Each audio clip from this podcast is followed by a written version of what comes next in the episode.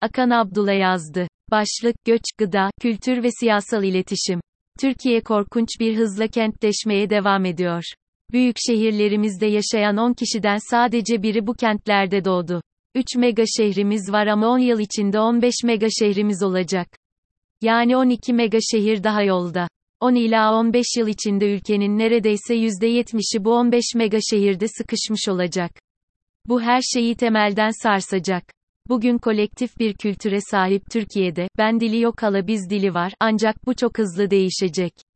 Kentleşme kolektif kültürün celladı. Çünkü büyük şehirlerde geniş aile kavramının ayakta kalma ihtimali yok. Geniş aile oranı şu an bile %15'lere düşmüş durumda. Büyük şehirlere göç devam ettikçe ve bu büyük şehirler megalaştıkça oradaki metrekare fiyatları ve hayat şartları geniş aile kavramının imkansız kılacak.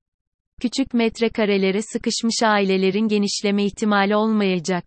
10 yıl içinde Türkiye'nin hayli bireysel bir kültüre doğru hızla kayacağını daha şimdiden öngörebiliriz.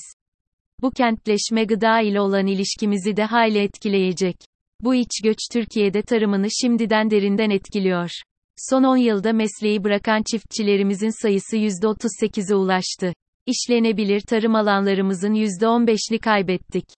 Mega şehirlerde masaya oturacak, beslenmesi gereken insan sayısı artarken besleyecek insanların sayısı azalıyor. Türkiye bir gıda sürdürülebilirliği krizine doğru gidiyor. Gıda daha da pahalı hale gelecek. Bu aile yapılarında bazı değişimler getirecek.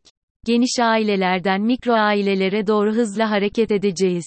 Anne baba tek çocuk hatta yalnız ya da yalnızca eşiyle yaşayan hanelerin sayısı gittikçe artacak.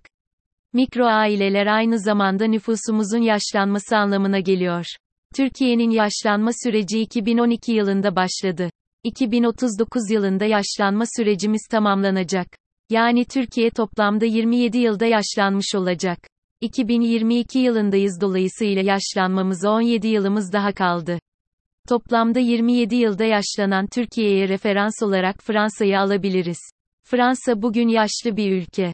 Bugünkü yaşlılık seviyesine 115 yılda gelmiş oldu. Bir de yaşam ve iyi yaşam sürelerine bakalım. Türkiye 78 yaşına kadar ortalama olarak yaşıyor. İyi haber, bu dünya ortalamasının üstünde bir oran. Ama iyi yaşam süremiz ise düşük. 58 yıl. Yaşam süremiz de iyi yaşam süremiz arasında 20 yıl yıllık bir fark var, bu çok yüksek bir fark. Özellikle yaşlanan bir ülke için bu rakam çok travmatik. Gelelim siyasal iletişim kısmında. Yaşlanıyoruz. Mega şehirleşiyoruz. Kolektif kültürümüz değişiyor. Aile yapımız değişiyor. Çocuk sayımız düşüyor. Haliyle politik iletişimlerde değişmek zorunda. Seçimi büyük şehirlerde, hızla büyüyen, hayat standartlarını yitiren orta yaş öbekler belirleyecek. Gençler önemli değil demiyorum elbet ama söylendiği gibi seçimin anahtarı onların elinde değil.